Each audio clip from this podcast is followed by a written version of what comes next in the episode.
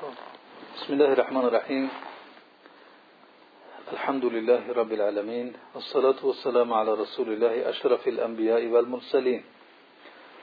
أما بعد بار دیگر السلام علیکم برادران أهل اسلام و رحمت الله و برکاته صحبت این چند لحظه ما در اطراف سیرت پیامبر صلی الله علیه و سلم خواهد بود. ادامه اون موضوع را که شروع کردیم و آن هم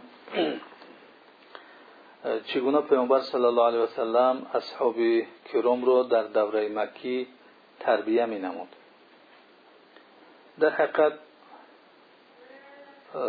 سخن گفتن در اطراف این برنامه پیامبر صلی الله علیه و سلم که چگونه اصحاب کرام را تربیه می‌کرد کار آسانی هم نیست. و احتیاج به بحث و بررسی های زیاد دارد. ولی به قدری توان ما چند لحظه را اینجا با هم خواهیم ذکر کرد. استفاده کننده از آیت هایی که در این مورد نازل شدند و پیامبر صلی الله علیه وسلم اساس کار خود آنها را قرار داده است.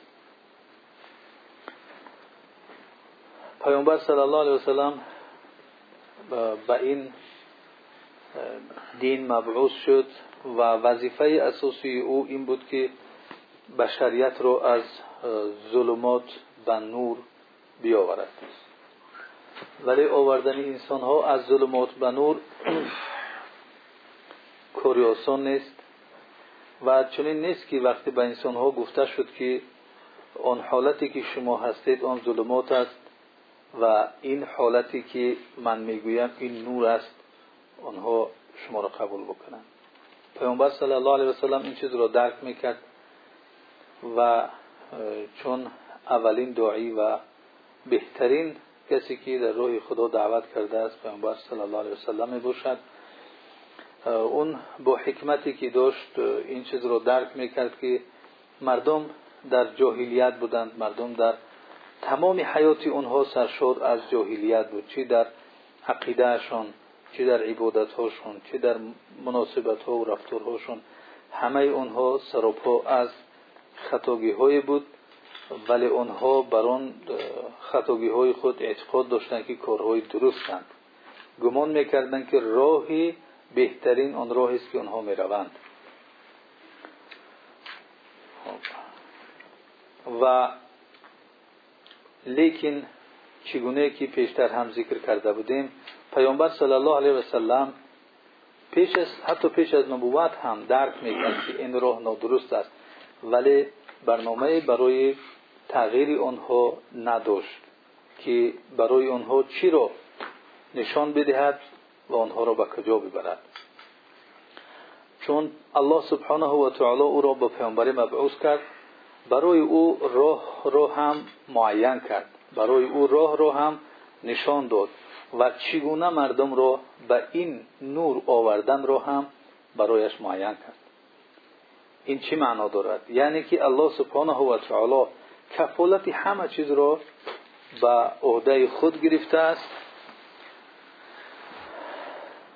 که این نور را فرستاد پیامبر صلی الله علیه و سلم را مبعوث کرد به پیامبری و فقط برای بشریت این است که آنچه که الله سبحانه و تعالی برای آنها نشان داد معین کرده است از روی آن نشان دادها حیات خود را به سر برند.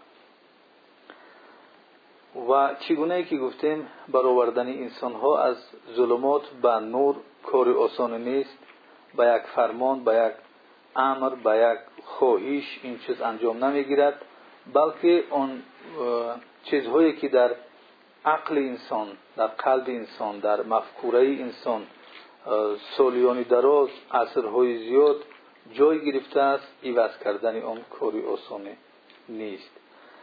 در سوره رعد آیه 11 که جزی از آن را اینجا بیان می‌کنیم یکی از راههایی را که خداوند به پیامبر صلی الله علیه وسلم نشان داد و این تا روز قیامت این سنت و این سنت ربانی و این قانونی را که خداوند گذاشت راه رو است برای تغییراتی که در اون بینای اصحاب کرام یعنی از اون کار گرفته شده است می باشد اعوذ بالله من الشیطان الرجیم. ان الله لا يغير ما بقوم حتى يغيروا ما بانفسهم. واذا اراد الله بقوم سوءا فلا مرد له. وما لهم من دونه من وال. ان الله لا يغير ما بقوم حتى يغيروا ما بانفسهم جوی شهید بیاوردگی بر سخنان ما این قطعه آیت است که هرگز خداوند در قوم تغییراتی را وارد نمی کند مگر اینکه حتی یغیر ما به انفسهم آنها آنچه که در نفس هایشان هست آن را تغییر ندهند. یعنی برای تغییراتی که در جامعه آنها با وجود بیاید لازم است که اولا در نفس های آنها تغییرات بیاید. درست است که این تعلیمات الهی هست و در جامعه بشری عدالت نور انسانگری و عدالت اجتماعی و امثال اینها جاری نمی شود و این نور جاری نمی شود مگر اینکه این نور اولا در قلب این انسان ها جای نگیرد یا قلب این انسان ها را وجود انسان ها را عقل انسان ها را عقیده و فهمیش انسان ها را تفکر و تصور انسان ها را تغییر ندهد. اگر وقتی تفکر و اندیشه و عقل و فهمیش انسان ها تغییر خود موافق به گفته خدا پس اون عدالت و اون رو در جامعه خود خواهند دریافت. در غیر این حالت این چیز ناممکن است که با تغییر ندادن در وجود خود و آن رو در جامعه دیدن این چیز ناممکن است و این از سنت های الهی نیست. پیامبر صلی الله علیه و سلم هم کار خود را در این راه الهی به همین صورت شروع کرد که با نفس های بشریت سر و کار می‌کرد. و از اون انسان هایی که در اطرافش بودند مردانی رو تربیه کرد مردانی رو ساخت که در حقیقت آنها بزرگترین مردان در تاریخ گشتند. زیرا که آنها تغییرات را در قلب خود قبول کردند. آنها تصور و اندیشه فکر و عقیده خود را مطابق به آن چیزی که خدا می‌خواست تغییر دادند. آنها درک کردند که انسان انسانیت خود را در کدام حالت می‌تواند دریابد. انسانیت انسان تنها در جهت مادی او هست که غذای مادی بگیرد یا اینکه غذای دیگری هم برای او لازم است. چون انسان عبارت است از دو جنبه جنبه مادی و جنبه روحی. از این لحاظ هر جنبه این انسان احتیاج به غذا دارد جنبه مادی ما که از خاک است این احتیاج به غذای مادی دارد از خوردن و نوشیدن و امثال اینها. و وسیله های به دست آوردن این غذاها دست و پا و هر اعضای بدن چشم و گوش و دیگر اعضای بدن ما هست که برای انسان برای حاصل کردن غذایش اینها به کار برده می شوند و وسیله های به دست آوردن غذای مادی انسان می باشند تو اینکه انسان بیمار نشود تو اینکه انسان وفات نکند هلاک نشود از گرسنگی از بیغذایی برای جسد او. و جانب روحی دارد انسان که چگونه که الله سبحانه و تعالی از روح خود در آدم علیه السلام دمید و از این جهت این هم غذای خود را دارد و غذای او در این معنویات در این شناخت الله سبحانه و تعالی شناخت آیات او و علاقمندی انسان متأثر شدن انسان به صفات الله سبحانه و تعالی می باشد وقتی این غذا را گرفت او می تواند که روحش زنده بگردد روحش بالا برود. چگونه که جهت مادی انسان جسد او ترقی مییابد از طریق غذاها جهت روحی آن هم با شناخت الله سبحانه و تعالی با شناخت صفت های او با شناخت آیت های الله سبحانه و تعالی در مخلوقاتش این جهت روحی او هم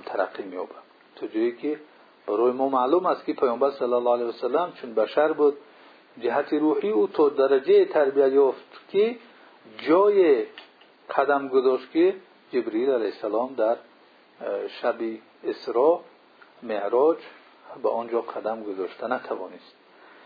و این چنین جهت ما داریم که یک صحابه کرام عبدالله ابن عمر ابن العاص بسیار به عبادت مشغول می شود و رسول الله صلی الله علیه و سلم یک روز به خانهشون میاد که در خانهشون نیست و از همسرش می‌پرسد که در کجاست عبدالله؟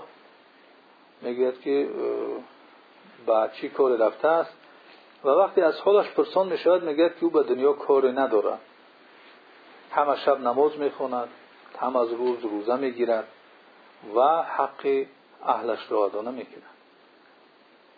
پیامبر صلی الله علیه وسلم گفت که اگر که اومد اون را باز بدارید من اومده انشاءالله با او صحبت می‌کنم. و بعد از چند پیامبر صلی الله علیه وسلم بعد از اومدن عبدالله ابن عمرو بن العاص به خانهشان میآید و از او پرسان می‌شد که احوال چه است. من درباره تو شنیدیم که گویا شبها خوب نمی‌کرده باشی. میگه که بله من می‌خواهم که برای ترس اون روز بزرگ فزع الاکبر فزع الیوم الاکبر اون روز قیامت می‌خواهم یک توشه داشته باشم که از اون ترس رهایی بیابم. از این جهت شبها خواب نمی‌کنم. گفت شنیدم که روزها روزه می‌گیری. یعنی تمام روز روزه می‌گیری. گفت بله می‌خوام که خداوند برای من نعمتی بهتری رو در جنت غذای بهتر و نعمتی بهتری رو نصیب بگردونم. بس گفت شنیدیم که با اهلت کار نداری یعنی حق اهلت رو ادا نمی‌کنی میگه که یا رسول, یا رسول الله می‌خوام که خداوند از اینها بهتر برای من حور بهشت را نصیب بگرداند. پیامبر صلی الله علیه وسلم برای او می‌گوید که در رسول خدا برای تو بهترین نمونه است. برای تو در رسول خدا یعنی در خودش در نظر دارد بهترین نمونه است که او شبها نماز می‌خواند باز خواب هم می‌رود. روزها روزه می‌گیرد باز افتار هم می‌کند.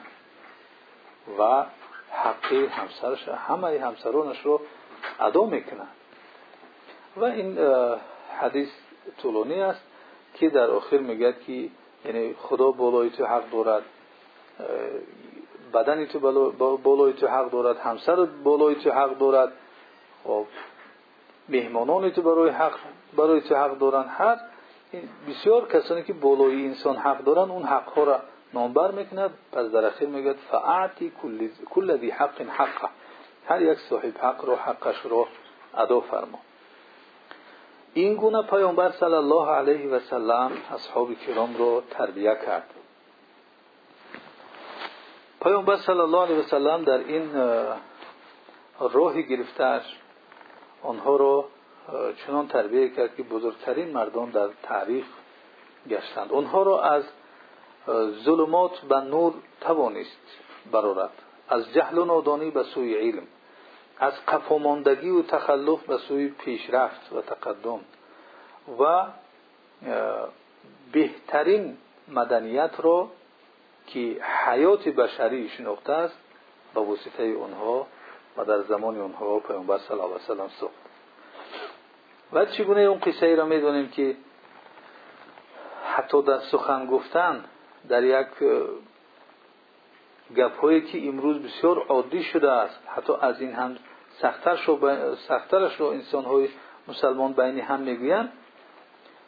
ابوذر غفاری وقتی که بلال ابن رباح را رضی الله عنهما چی گفت و پیامبر صلی الله علیه و برای او گفت یا ابوذر انک امرؤ فیک جاهلیه. تو انسانی هستی که تا حالا در وجودی تو جاهلیت وجود دارد یعنی یک گپی ناسزا گفتن به برادرش این معنای آن را دارد که اون تغییری که لازم است در وجود تو اون تغییر جاری نشده است. تا حال جاهلیت باقی مونده است.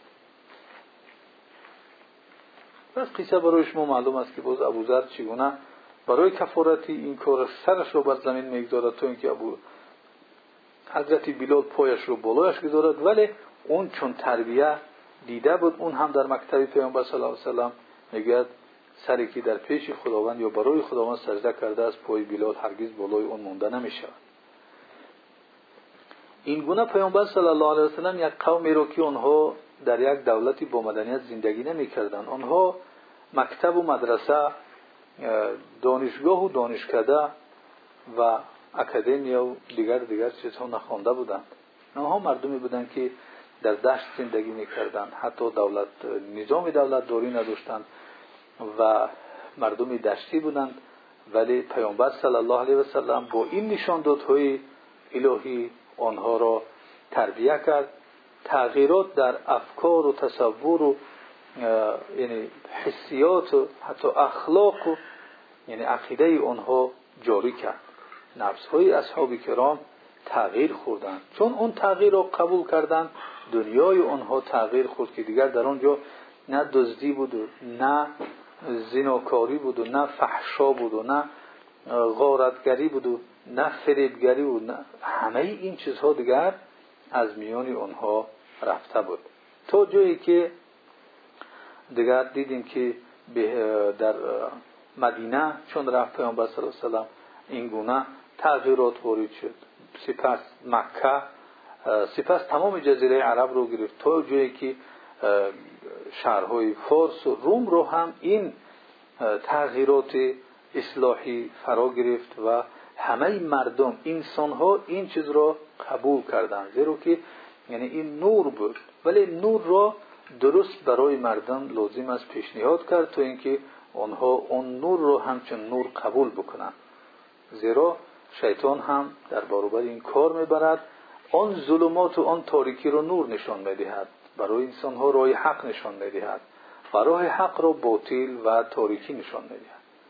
برای لازم است که انسان مهنت زیاد بکند اخلاص و زحمت زیاد لازم است تا انسان را یعنی برایش قانع کنند که نور نور است و ظلمات ظلمات است. خب. در جانب تربیه که پیامبر صلی الله علیه و سلم اصحاب کرام رو تربیه می‌کرد در جانب عقیدوی آنها را با اسلوب های مختلف تربیه می نمود با معنی های ایمانی. خب تا اینکه در آنها این تغییرات وارد شد. و الله سبحانه و تعالی این تغییراتی را که در آنها با وجود آمد در سوره انعام آیه 122 چنین بیان می‌کند که اعوذ بالله من الشیطان الرجیم. اما من كان ميتا فاحييناه وجعلنا له نورا يمشي به في الناس كمن مثله في كمن مثله في الظلمات ليس بخارج منها. كذلك كذلك زين للكافرين ما كانوا يعملون یعنی اما من کان میتا آیا کسی که مرده بود فاحییناه ما را زنده گردانیدیم و جعلنا له نور یمشی به فی الناس. برای او نور گردانیدیم که در میان مردم قدم می‌زند. کمان مثل او فی الظلمات لیس بخارج منها. آیا مثل کسی هست که اون در تاریکستان است؟ در تاریکی ها و ظلمات است. از آنجا براینده نیست. یعنی یک کسی که در منطقه نورانی هست و یک کسی که در منطقه ظلمات و تاریکی هست. آیا اینها با هم برابرند کذالک زین للکافرین ما كانوا یعملون. خداوند میگه که این گونه برای کافرین زینت داده شد. همون تاریکی ها همون ظلمات زینت داده شد. به سبب آنچه که عمل می‌کردند.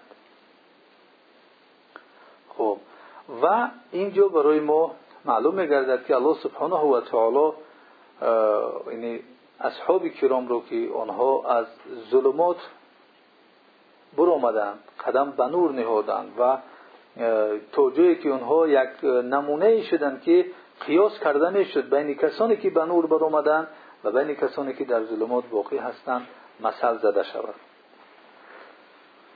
خب.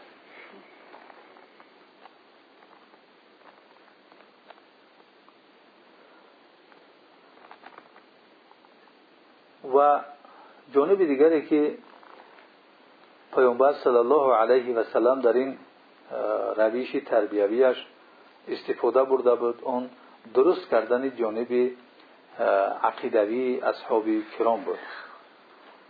خب در اون در این برنامهش پیامبر صلی الله علیه و سلم تصور اصحاب کرام رو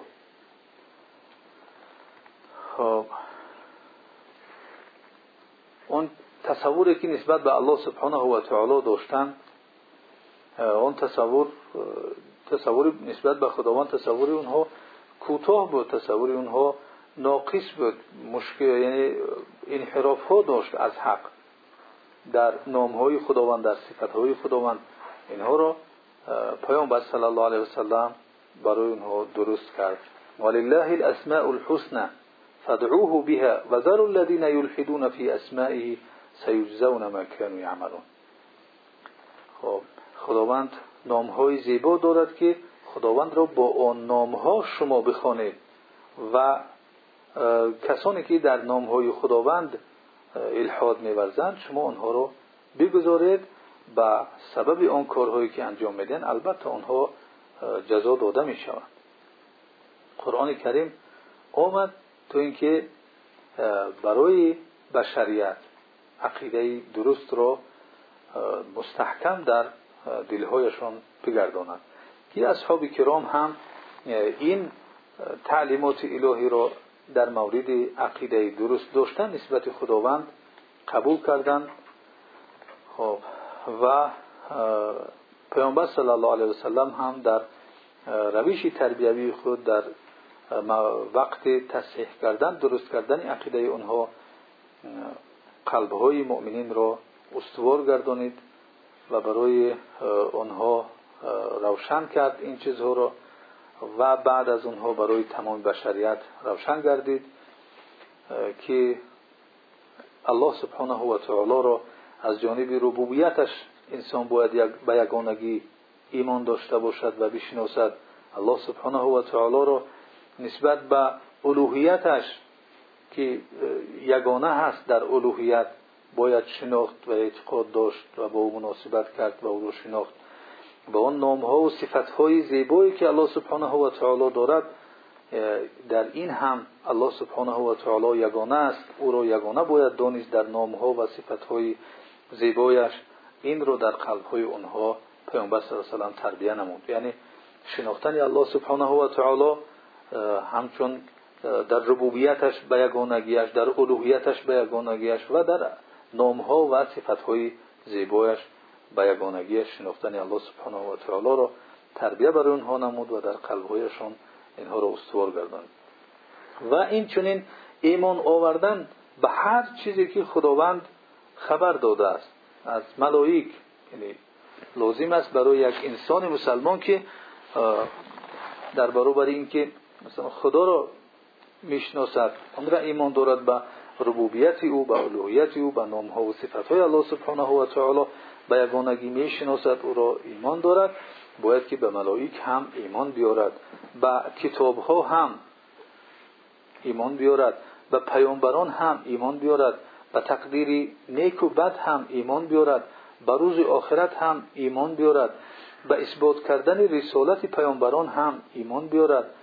و به هر چیزی که اون پیامبران خبر دادن ایمان بیارد این چیزهایی هستند که پیامبر صلی الله علیه وسلم اونها را برای اصحاب کرام بیان نمود و نسل اول رضوان الله علیهم اجمعین را در این روش تربیه نمود که چگونه گفتیم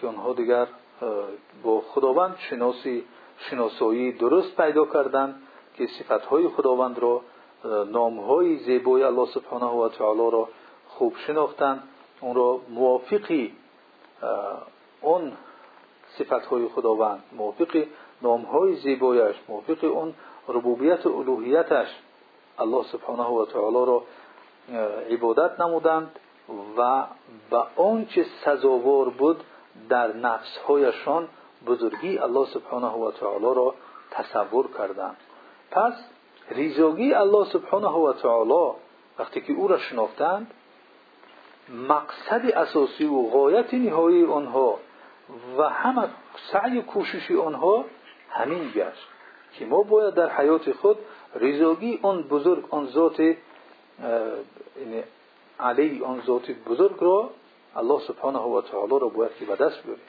زیرا شناختند که از همه بزرگتر الله سبحانه و تعالی هست. کسی که سزاواری پرستیش و سزاواری دعا کردن و سزاواری متوجه شدن و سزاواری عبادت کردن و همه اینهاست الله سبحانه و تعالی هست. پس اون است که زنده میگرداند اون است که میمیراند اون است که ریسک می‌دهد اون است که ریسک من می‌کند. وقتی که همه چیز در دست او هست پس ریزاگی او لازم است به دست آورده شود. پس تمام سعی کوشش در حیاتشون مقصد اساسیشون در حیاتشون به دست آوردن ریزاگی الله سبحانه و تعالی بود. و اصحاب کرام در همه لحظه های حیاتشان حس می‌کردند که خداوند آنها را نظارت دارد با این گونه شعور و با این گونه احساس آنها زندگی کردند که این احساس و این تصور و این شعور آنها سبب شد که در یک مدت کوتاه توانستند بسیاری از مردمان را از تاریکی ها و نور برارند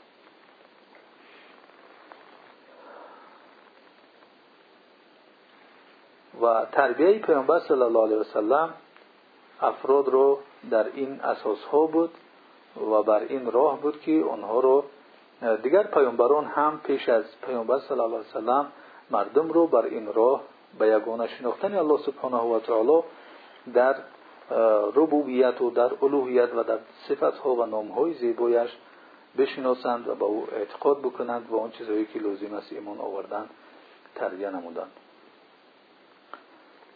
خب این تربیه پیامبر صلی الله علیه وسلم بسیار مبارک بود.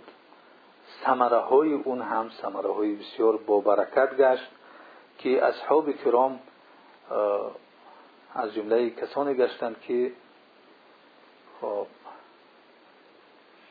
دیگر الله سبحانه و تعالی را در الوهیتش به یگانگی در ربوبیتش به یگانگی در نامها و صفتهایش به یگانگی میشناختند و همه کارهای در زندگی راشون را در اساس این شناخت انجام می‌دادند.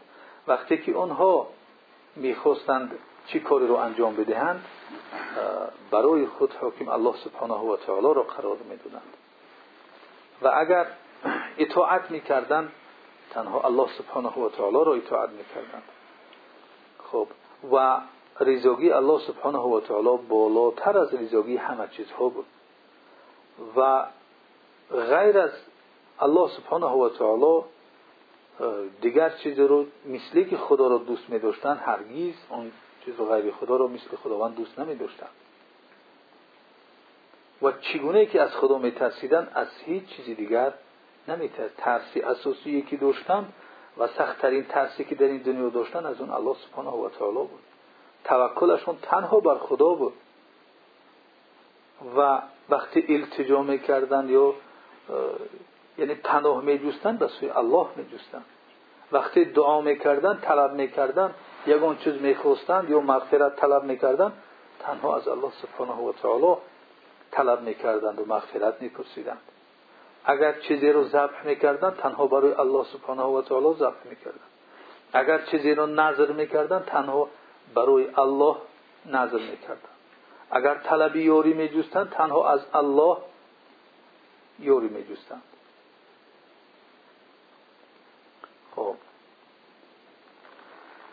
و جز به طرف الله به غیر یعنی به دیگر کس رکوع و سجود نمی کردن. خب تنها حج آنها به سوی الله بود. توافی که می‌کردند و عبادتی که می‌کردند تنها برای الله یگانه بود و به خداوند چیزی رو مانند نمی‌کردند و با او چیزی رو برابر نمی‌کردند چی از مخلوقات و چی از معدومات؟ بلکه الله سبحانه و تعالی رو از همه این صفت ها از همه این چیزهایی که مخلوقات دارند الله سبحانه و تعالی رو پاک و منزه می‌دونستند و اعتقاد می‌کردند خب این عقیده و این ایمان و این فهمیش و تصور در که از ارکان ایمان بود و دیگر ارکان ایمان در قلب های آنها جا گرفت. صحیح عقیده صحیح و درست با تربیه پیامبر صلی الله علیه و سلم این بود که الله سبحانه و تعالی به واسطه آنها این نور را تا به ما آورده رساند. الله که با همینجا تا اینجا ما اکتفا می‌کنیم. صحبت امروزه خود را و ادامه او انشاءالله در درسی آینده خواهد بود که باز تصور و فهمیش و بینیش آنها در مورد آن چیز شناخت اسلامی چگونه بود و پیامبر صلی الله علیه و آنها را چگونه تربیه نموده بود. جزاکم الله خیرا و آخر دعوانا الحمد لله رب العالمین. اگر یگان سوال در همین موضوع باشد مرحمت